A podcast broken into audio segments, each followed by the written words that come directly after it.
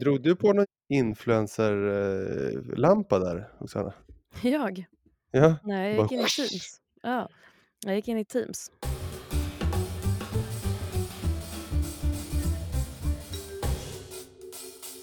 Varmt välkomna till Juristerna svarar. Det här är Företagarnas podcast som ger dig tips, svar och råd som hjälper dig i din företagarvardag. Vad är ett skäligt pris för konsumenttjänster? Och hur tydligt måste företaget specificera vilka arbetsmoment de har utfört? Vem är det egentligen som ska bevisa att en uppsägningshandling är äkta? Och vad betyder det här med bevisbördan nu igen? Det ska vi prata om i dagens avsnitt. Jag heter Oksana Jakimenko och jag heter Hampus Löfstedt. och vi arbetar på Företagarnas juridiska rådgivning. Välkomna till podden! Ja, Hampus, då var det dags för ännu en case-onsdag. Är, är det nummer fyra i ordningen? Nummer fem? Jag är lite osäker faktiskt. Det har jag nog ingen aning om faktiskt. Nej, nej, men jag tror att det är något sånt. Eh, men jag, och jag tänker, ska vi bara inleda det här avsnittet också med att faktiskt berätta att det här är första gången som vi spelar in eh, podden på distans. Eh, var, var i världen sitter du, höll jag på att säga. Ja, men jag avbryter semestern här och sitter i eh, Kalifornien, närmare bestämt i Venice, Los Angeles. Så Och eh, ja, men precis, väldigt trevligt. Men eh, lyssnarna får ju då försöka ha något överseende med eventuella ljudbild och så vidare. Vi sitter ju bägge två och håller i micken. Du har någon Mm. bricka där tror jag.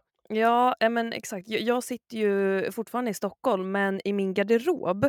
Mm. Ehm, allt för att ljudet ska vara så bra som möjligt. Men precis, jag har micken här på en bricka framför mig. Så att, men, men vi ska försöka göra det här så, så bra vi bara kan. Men du Hampus, eh, kan du dra lite kort? Vad, vad är case onsdag nu igen? Kisonsdag är alltså ett av våra upplägg här i Juristerna svarar där jag och du Oksana Jajamän. där vi går igenom eh, olika rättsfall. Då. Vi väljer helt enkelt ett rättsfall som vi tycker är spännande och sen så går vi igenom det och pratar lite om vad man kan ta med sig från det rättsfallet eh, och så vidare. Ja, och det gemensamma för alla de här rättsfallen det är ju att det kommer från eh, de olika högsta instanserna. Så att de här är ju vägledande i, i liknande fall. Så med det sagt, det är jag som börjar idag så jag tänker att vi eh, hoppar in på mitt rättsfall direkt. Så gör vi hörru du. Välkomna till podden! Ja, eh, idag ska jag prata om ett rättsfall som heter så mycket som NJA 2016 sida 1011. Och det kallas också för eh, Gripenhusfallet. Och det är då ett eh, avgörande i Högsta domstolen. Eh, och bakgrunden i det här fallet är då så här. Företaget Gripenhus och konsumenten YU hade ingått ett muntligt avtal om att eh, Gripenhus skulle utföra arbeten som innefattade då bland annat eh, spackling, målning, montering av dörrar och socklar på YUs villa. Då. Eh, och för att utföra det här jobbet så skulle Gripenhus ta 250 kronor i timmen. Och det här avtalet det ingick som sagt muntligen mellan parterna. Eh, så att varken egentligen timpriset, de här 250 kronorna i timmen, arbetets omfattning, arbetsmoment eller någonting annat gällande den här tjänsten fanns nedskrivet i en avtal eller offert, utan allt var muntligt. Ja, det är en situation som vi ofta eh, kommer i kontakt med, eller hur Oksana? Mm. Ja, verkligen. Det är jättevanligt att man, man ingår muntliga avtal så tänker man men vi är överens, vi Mm. behöver inte ha det här i skrift också. Det är bara Ja, men onödig precis. Här skakar vi admin, admin-jobb liksom. Ja. Ja, eh, Gripenhus utförde det här arbetet under februari och mars 2013. Och när arbetet var färdigt så skickade de en faktura då på totalt 170 135 kronor. Varav då 136 000 avsåg ungefär 545 timmars arbete och 34 000 av de här totalt 170 avsåg materialkostnader. YU han betalade 54 000 kronor av de här totalt 170 och menade då att företaget inte har arbetat så många timmar som de hade påstått. Och även om de skulle ha gjort det så var i alla fall det här priset som de hade debiterat inte skäligt i då förhållande till det arbete som företaget hade utfört. Däremot så vitsordade YU som skälig ersättning då 62 500 och det motsvarar då 250 timmars arbete och 12 000 i materialkostnader. Så att kom ihåg, Gripenhus sa att de hade lagt ner totalt 544 timmars arbete på bygget och YU tyckte då att äh, men, eh, 250 timmar, så ungefär hälften, eh, det är skäligt. Eh, och dessutom då så menar YU att han utöver de här 54 000 också hade betalat in 25 000 i kontant till bolaget. Så, eh, så att som vi förstår här då så blev ju parterna oense. Eh, tingsrätten de gick på YUs, alltså konsumentens linje och hovrätten gick på Gripenhus linje. Eh, och dessutom då så ansåg också hovrätten att konsumenten hade inte bevisat att han hade gjort de här kontanta betalningar på 25 000 kronor. Och det spelar roll för att den, den linjen liksom, eh, tog HD med sig så att säga när de prövade fallet. Men eh, här är vi egentligen nu då. HD ska pröva det här fallet eh, och frågan då var ju helt enkelt vilket pris skulle IU betala till Gripenhus och då särskilt vad det är som gäller i fråga om ja, men bevisbörda och beviskrav i såna här typer av fall. Det verkar som att både du och jag har valt eh, rättsfall som handlar om eh, bevis. Eh, lite nördigt kanske? Ja, kanske. exakt. Det blir kanske. kanske. Ja, det blir liksom lite bevistema, juristskämt, på, på, på det här avsnittet. Oj, oj, oj, oj. Otroligt. Hur som helst, eh, så som i de allra flesta fallen så började ju HD här med att gå igenom den rättsliga regleringen. Hampus, som du brukar mm. säga, var är vi? Ja, men just det. Var i lagen är vi? Och eftersom att YU är en konsument och Gripenhus ett företag så är det ju då konsumenttjänstlagen som är den aktuella eh, lagstiftningen i det här mm. fallet. Och då framförallt två paragrafer. Mm. Paragraf 36 och paragraf 40. Och i 36 paragrafen så regleras priset för en tjänst och i 40 mm. paragrafen så anges det att eh, näringsidkaren, alltså företaget, är skyldigt då att på konsumentens begäran lämna en specificerad räkning för den utförda tjänsten. Och den här räkningen eh, ska göra det möjligt för konsumenten att eh, bedöma det utförda arbetets art och mm. omfattning. Eh, och i den, tjänst, i den mån då tjänsten inte har utförts mot fast pris så ska det även framgå av räkningen hur priset har beräknats. Så. Men jag tänker att vi ska ändå börja i 36 paragrafen för den är mest central i det här fallet. Och I paragrafen så står det så här att om priset inte följer av avtalet så ska konsumenten betala vad som är skäligt med hänsyn till tjänstens art, omfattning och utförande, gängse pris eller prisberäkningssätt för motsvarande tjänster vid avtalstillfället samt omständigheterna i övrigt. Lång mening. Eh, men så att man förstår ju här att det är en helhetsbedömning som måste göras för att kunna säga vad som är ett skäligt pris. I eh, förarbetena till 36 mm. paragrafen i konsumenttjänstlagen då, då konstateras det att den här bestämmelsen den är inte tillämplig om parterna har eh, kommit överens om ett bestämt belopp, liksom ett fast mm. pris. Och inte heller så som det står i den mån priset har avtalats. Och Det här betyder egentligen att om parterna har kommit överens om grunderna för prisberäkningen, exempelvis då ett pris per arbetstimme, så är ju såklart det här priset bindande mellan parterna och då behöver man inte göra någon skälighetsbedömning enligt 36 paragrafen. Men däremot så kan den här skälighetsbedömning ändå bli aktuell i sådana fall där man har bestämt just ett, ett pris per timme och då beträffande de delarna där parterna inte avtalat om prisberäkningen, alltså exempelvis antalet timmar eller någonting liknande. Då. Sen går ju HD vidare då och konstaterar att eh, om ett pris är skäligt eller inte, det är en rättslig bedömning som domstolen ska göra, som i så många andra fall. Så det är alltså inte parterna som kan avgöra själva skäligheten, men parterna, eller en av parterna, åläggs ju som regel bevisbördan för att presentera sådana omständigheter som då ligger till grund för domstolens skälighetsbedömning. Och I relationen mellan näringsidkare och konsument så är det näringsidkaren då som har bevisbördan i fråga om just prisets skälighet. Så att det här betyder helt enkelt att det är företaget, i det här fallet då Gripenhus, som måste kunna visa eh, att det här begärda priset är skäligt med hänsyn då till ja, de sammantagna omständigheterna. De har alltså bevisbördan i det här fallet. Ja, men jag förstår. Men du, eh, man hör ju ofta det här med bevisning och kanske då just hur starkt någonting måste vara bevisat för att man ska få rätt i domstol. Ehm, vill du säga något om det? Jo, men det kan jag väl göra. Alltså, jag tror att det man mest hör om i, ja, men i media och så, det är om brottmål eh, och bevisning i brottmål. Och där är ju beviskravet att det ska vara ställt utom rimligt tvivel att det som yeah. har hänt faktiskt har hänt.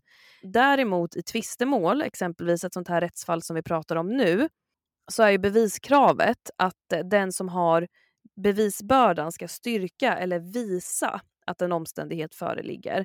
Så att i tvistemål måste det alltså inte vara ställt om utan rimligt tvivel att någonting är på ett visst sätt. Utan den som har bevisbördan, som sagt näringsidkaren som ska bevisa det skäliga priset, ska då, nu gör jag kaninöron, bara eh, Mhm. kunna styrka eller visa då att det som den påstår har hänt faktiskt har hänt. Så. Okej, men du, eh, kunde Gripenhus bevisa att omständigheterna var så här då? Eh, att det pris som bolaget hade begärt var skäligt? Ja, jag skulle faktiskt komma in på, på just det här med bevisningen nu. För att Mm. ehm, som stöd för sitt yrkande så Mm. åberopade Gripenhus dels en tidsredovisning som Mhm. avser då hela arbetsperioden under februari och mars. Mm. eh, som det alltså tog att utföra det här arbetet. Och i redovisningen så anges för varje dag, bortsett från den Mm. första dagen, för då var det förberedelsearbeten. Men så för varje dag så angavs det vilka personer som hade jobbat hos YU och hur Mm. många timmars arbete som de här personerna sammanlagt arbetade varje dag. Och utöver den här tidsredovisningen så åberopade också Gripenhus eh, vittnesmål. Så att både arbetsledaren och de eh, personerna som var där och utförde arbetet hos Mm. YO eh, Eh, har i förhör då sagt att den här tidsredovisningen är korrekt och den är riktig. Så att här har man haft både skriftlig bevisning och muntlig bevisning då för sitt påstående att det här var ett skäligt pris och att de hade jobbat så mycket som de hade påstått. Jag sitter lite som på nålar här faktiskt måste jag säga. För att det här är ju verkligen sånt som du och jag pratar om eh, med oss till dagarna känns det som. Ja men verkligen. Jag tror att Mm. både du och jag har fått liksom minst ett tjugotal, om inte fler, såna här samtal var där det är precis Mm. de här omständigheterna. Och jag tyckte där, det var därför det här fallet var så intressant. För nu kommer vi Mm. liksom till, till det som avgör hela frågan kan man säga. Vad Eh. behöver man i bevisningshänseende? För någonstans så, och det kommer jag att prata om mer se- senare, att rättsfrågan är ju inte konstig i sig. Att man har inte bestämt pris, så därför ska man betala skäligt pris. Så står det i konsumenttjänstlagen. Mm. Mm. Inte så mycket mer med det. Nej men precis, och det är Mm. ju jättevanligt att man bestämmer ett timpris men det är svårt att säga hur många timmar kommer det här ta. Så att är- man kör liksom på löpande räkning.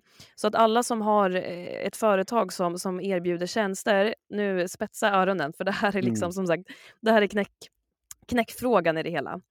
Eh, så här, domstolen konstaterar att av den här tidsredovisningen som Mm. företaget hade presenterat så framgick det inte vilket arbete som hade utförts eller Mhm. hur den liksom, tiden som var redovisad i rapporten eh, fördelade sig på de olika arbetsmomenten.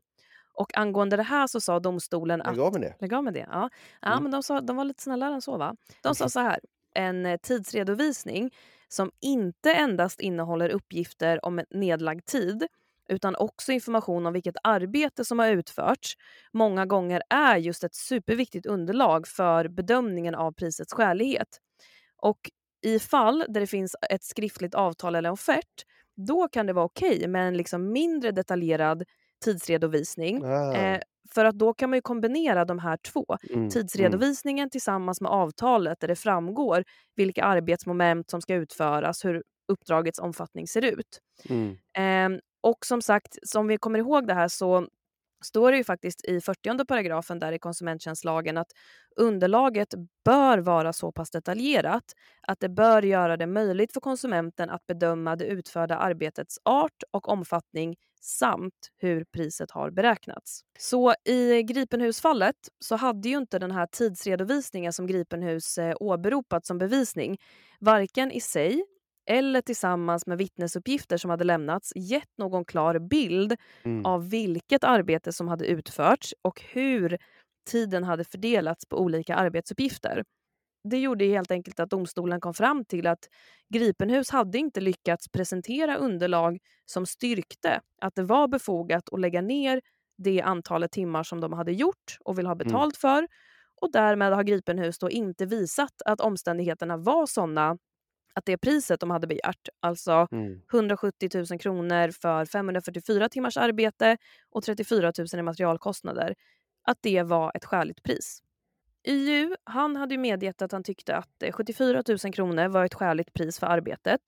Mm. Eh, och eftersom att Gripenhus då inte hade kunnat presentera någonting annat så ansåg ju domstolen att ja, 74 000 kronor är ett skäligt pris. Eh, men han hade ju redan om vi kommer ihåg betalat 54 000 kronor till bolaget. Så att eh, det här slutade då helt enkelt med att domstolen beslutade att 74 000 kronor som IU hade medgett var ett skäligt Mm. pris.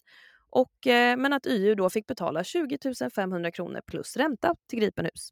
Och Gripenhus fick betala hälften av YUs eh, rättegångskostnader. Så då tyckte domstolen alltså att eh, man fick dela på rättegångskostnaderna? Ja. Nej. Ja, Gripenhus fick betala hälften av YUs rättegångskostnader. Så att han fick stå ena halvan själv ju. Ja, för att domstolen tyckte då att man eh, hade ömsom vunnit ömsom eh, förlorat då Tappat. kanske. Ja, Mm. ja men precis. Mm. Så så var det med så. Ja, men spännande, superbra rättsfall Oksana, som Ja, du men har valt här. Ja. Tack, tack, tack. Nej, men som sagt, som är, är någonting som är, är något vi springer på hela tiden. Mm, verkligen. Ja, men vad tar vi med oss av det här rättsfallet då? Ja, alltså jag tycker att det, det vi verkligen ska ta med oss av det här fallet, det är ju att om man är ett företag som, som eh, säljer tjänster till konsumenter så ska Mm. man alltid, alltid, alltid, alltid, alltid ha ett skriftligt avtal på plats innan man börjar Mm. jobba. Mm. Eh, och om man av någon anledning inte har ett skriftligt avtal, då ska man i alla fall dokumentera arbetet som utförs väldigt noggrant. Och då mot bakgrund av det här rättsfallet, så att man i efterhand på ett klart och tydligt sätt ska kunna utläsa vilket arbete som utfördes, eh, alltså vilka arbetsmoment och av vem, samt då hur tiden fördelades mellan de här Mm. olika arbetsmomenten under då hela perioden som tjänsten utfördes. Mm. Och det kan man tycka är, är väldigt noggrant, men ehm, å andra sidan gör man det direkt. Det är som när du och jag sitter och skriver tidsredovisningar, att gör man det bara direkt precis vad man Mm. gjort så, så, så är det inte, blir det inte så, så tidskrävande. Nej men precis, och, och jag tänker också så här, typ det här Gripenhusfallet, alltså de, de ville ha 170 000 betalt, de fick 74. Det är Mm. ganska mycket pengar som går förlorat, så att frågan är om man inte tar igen dem, även om det tar lite tid att administrera den här tidredovisningen, så kan det ju vara värt det. Men eh, vad, Hampus, vad, vad har du valt för spännande rättsfall då? Ska vi gå vidare till ditt? Ja, men det tycker vi gör. Jag har alltså valt AD 2023, nummer 18. Och som trogna lyssnare vet så hör vi här på referensnumret att det handlar om ett fall från Arbetsdomstolen, AD, eh, som är en specialdomstol för arbetsrättsliga fall.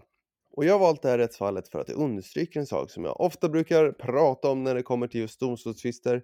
Det är en sak att ha rätt i sak, en helt annan att få rätt i domstol. Och vad är skillnaden då?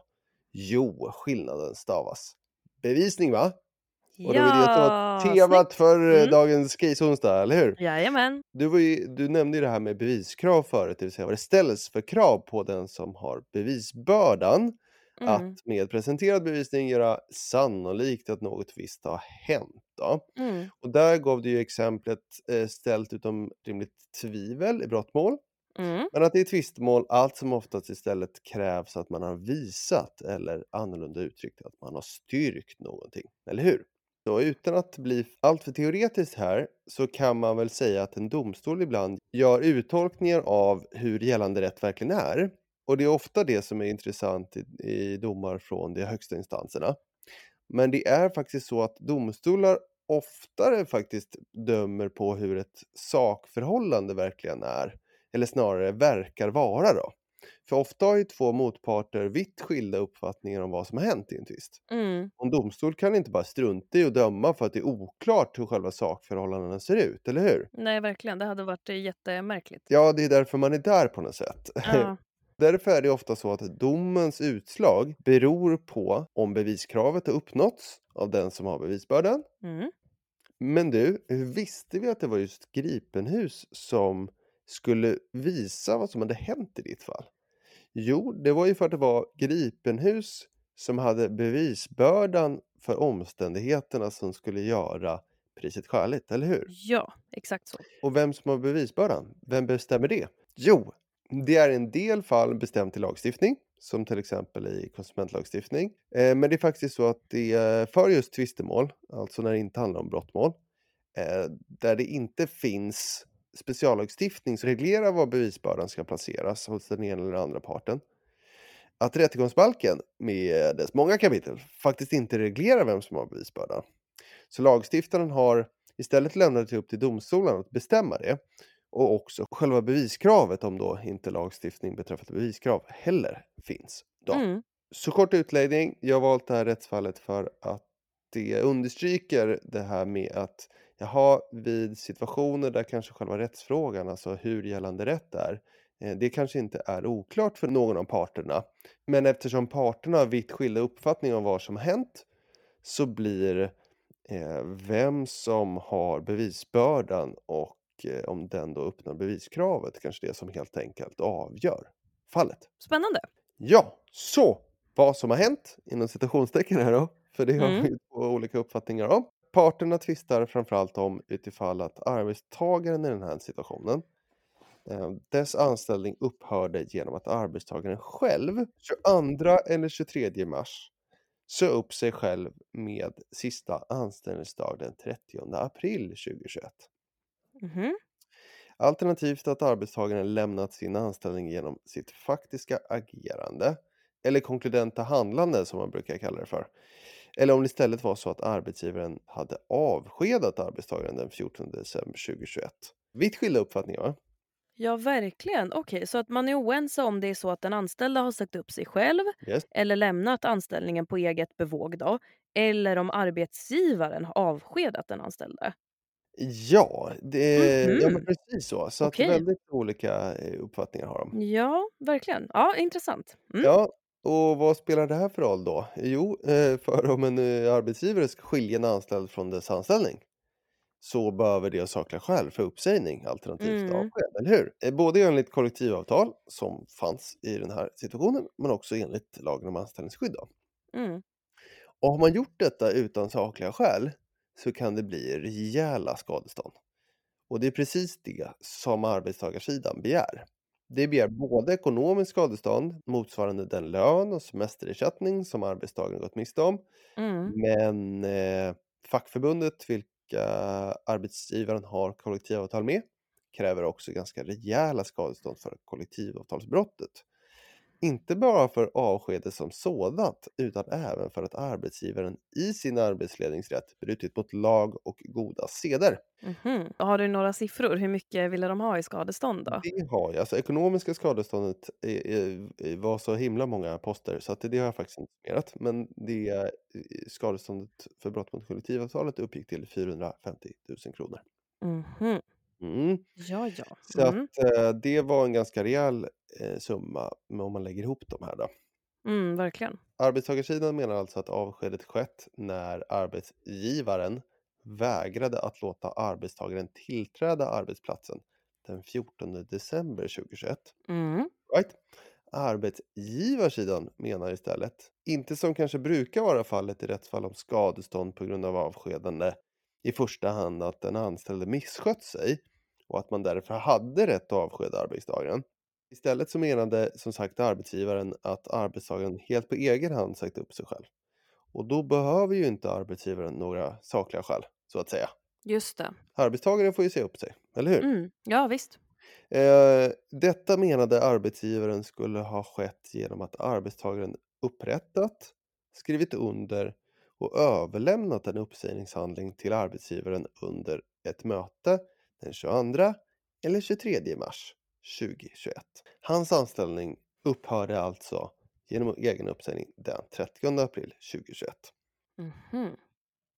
Och sen så sa jag det där med konkludent handlande och vad man menade där, det var Mm. ju att man, ja, alltså arbetstagaren hade inte varit på arbetsplatsen under en lång tid och därför att man då hade frånträtt sin anställning på grund av lång frånvaro. Okej, så att i Mm. vilket fall som helst då så, så hävdade arbetsgivaren att den anställda har på ett eller annat sätt på eget bevåg så att säga avslutat sin anställning. Ja, och sen så, nu ska jag ju inte fara med osanning, men eh, de hade ju faktiskt som en sistahandsgrund, eller vad man ska säga, så hade de ju slängt in det här med att i vilket fall som helst så hade, hade man rätt att säga upp. Ja, Eh, hade, man hade sakliga skäl.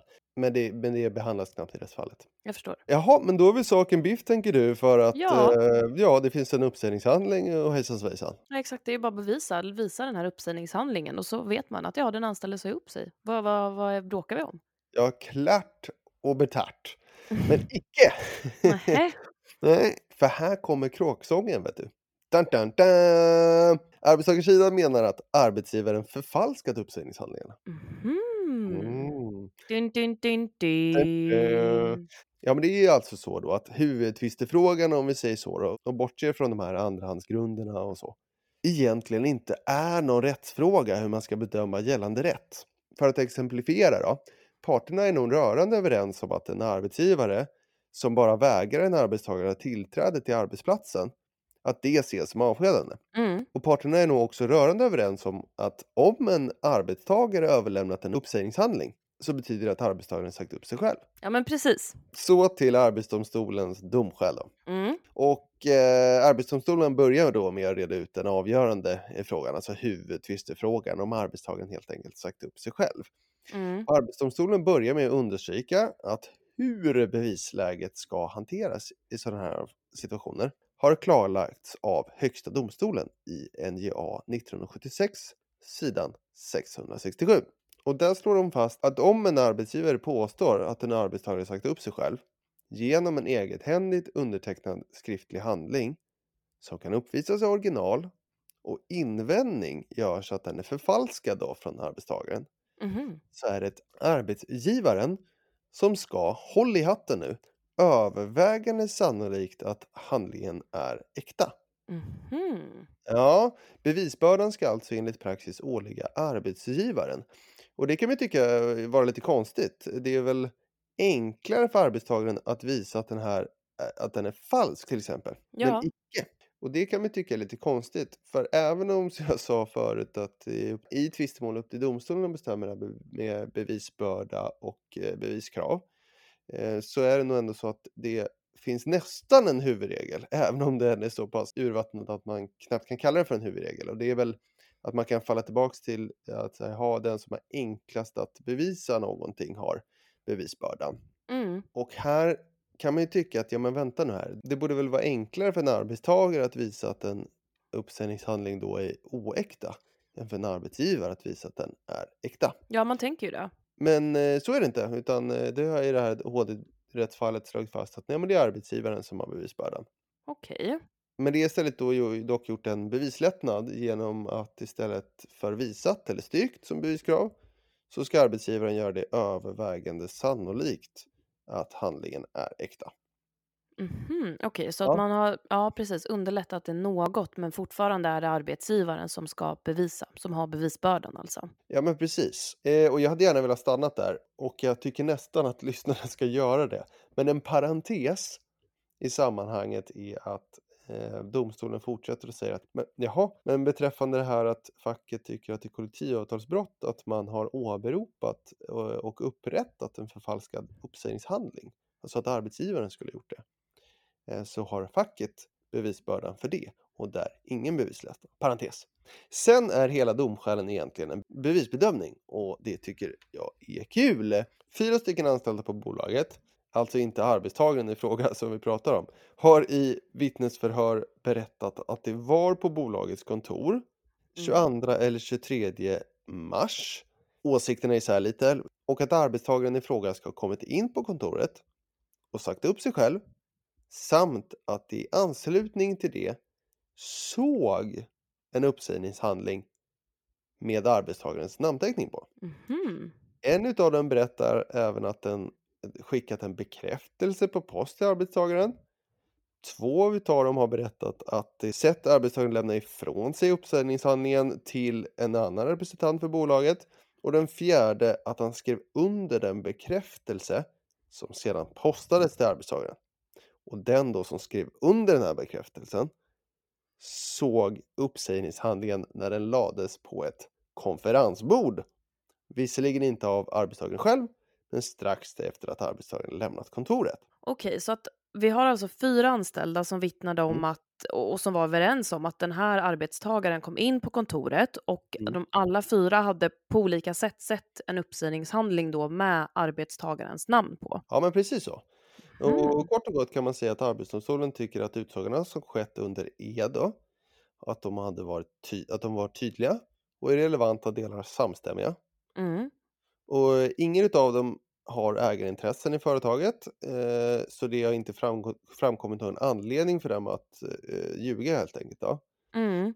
Och det här med att, eh, uttagen inte är helt exakta 22-23 mars, eh, tycker domstolen faktiskt talar för att de är snarare trovärdiga än mindre trovärdiga. Mm. Eftersom det då, eh, inte verkar ha samordnat redogörelsen och det är inte konstigt att ha, skillnader, eh, 9 månader senare, inte minst när man då inte haft någon aning om att det här är något viktigt att komma ihåg. Om man Mm. då de här, eh, arbetsta eh, de anställda var inte medvetna om att det här skulle bli en domstolstvist helt enkelt. Mm. Ja, men det och det det köper man ju, att Ja, domstolen resonerar så. Ja. Ja. Eh, vidare så stöds deras redogörelser av den bekräftelse på uppsägning som skickats och det lönebesked som skickats där slutlön angivits för april. Så Mhm. det är lite skriftligt, men det är ju framför allt de här, eh, Mm. vittnesmålen. Arbetsdomstolen konstaterar att arbetstagarsidan inte åberopat någon analys av handlingens äkthet, trots att originalhandlingen länge funnits, eh, hos fackförbundet. Och Arbetsdomstolen tycker vidare att arbetstagarens egen berättelse under partsförhör inte är särskilt detaljerad och att denna till exempel inte kunnat redogöra för vad man istället skulle gjort de här 2 datumen, 22 eller 23 mars 2021, när man då säger att man inte har kommit in till kontoret, samt att man inte har kunnat ge några exempel på vilken handling som arbetsgivaren skulle kunnat klippt ut arbetstagarens underskrift från. För det ska sägas Mm. då att arbetstagaren inte förnekar att det är dens underskrift, utan man förnekar att man har skrivit på den här handlingen. Arbetsdomstolen likställer då arbetstagarens, eh, eller påstående om att det här nej men det här, eh, jag har inte gjort den här, eh, upphandlingen och skrivit på den. Mer att arbetstagaren i princip bara blankt förnekar att han skrivit på handlingen. Eh, så att man liksom, de får ingen förklaring. Förutom att då helt enkelt bara då påstå utan någon analys att den här uppsägningshandlingen är förfalskad, så har arbetstagarsidan försökt då bevisa att handlingen har varit förfalskad just eftersom eh, arbetsgivaren har agerat som den anställde varit anställd efter då sista anställningsdag i uppsägningshandlingen. Mhm, Så man menar att, jaha men Mm. vänta nu, om om ni menar att den här uppsägningshandlingen är äkta, som då ska överlämnas från arbetstagaren själv, Mm. varför i hela friden har ni agerat som att arbetstagaren är anställd efter den 30 april 2021? Mm, då när anställningen borde ha upphört enligt den här uppsägningshandlingen då? Ja men exakt Mm. och de som har varit väldigt uppmärksamma i har ju märkt att avskedet på Styrelsen faktiskt har skett 14 december. Det är ganska långt mycket senare när då den Mm. anställde helt enkelt vägras tillträde till arbetsplatsen. Men under den här tiden så menar de att nej men vänta nu, ni har ju agerat, eh, som att arbetstagaren har varit anställd.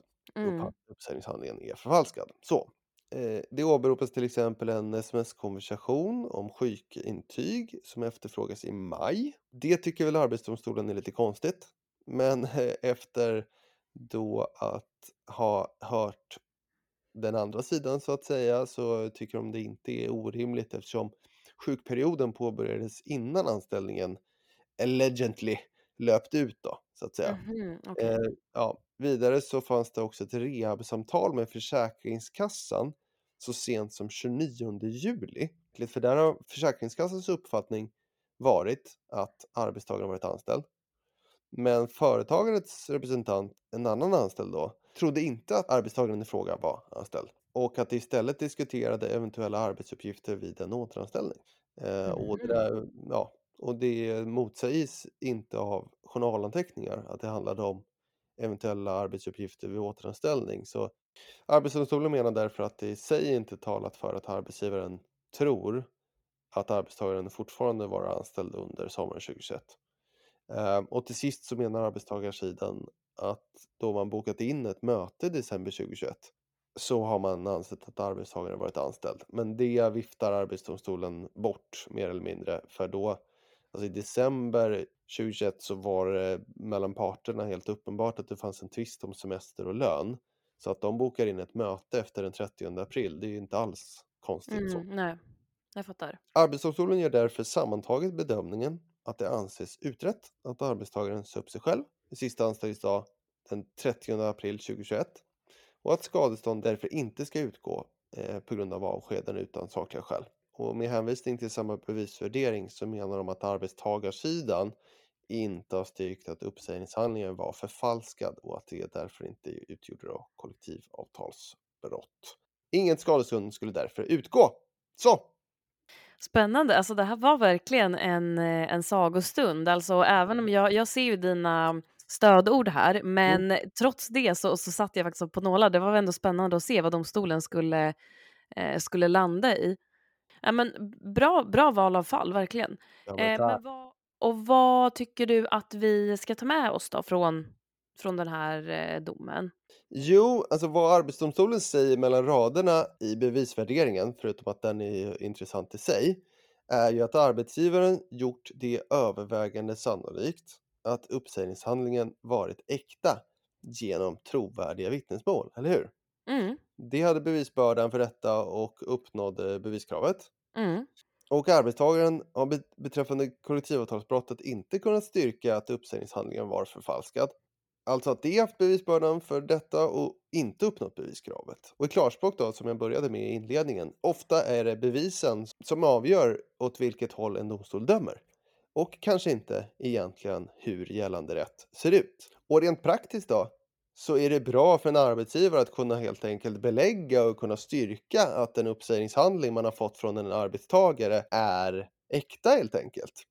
Ehm, även om man då har det här lägre beviskravet, övervägande sannolikt att den är äkta när det kommer till då skadestånd på grund av att det skulle istället handla om ett ett avskedande som vi var inne på. Och det här kan man till exempel göra genom att man är flera personer i ett avslutningsmöte med HR eller något sånt där. Och eh, de la ju också vikt det här med att man lämnar en bekräftelse på uppsägningshandlingen.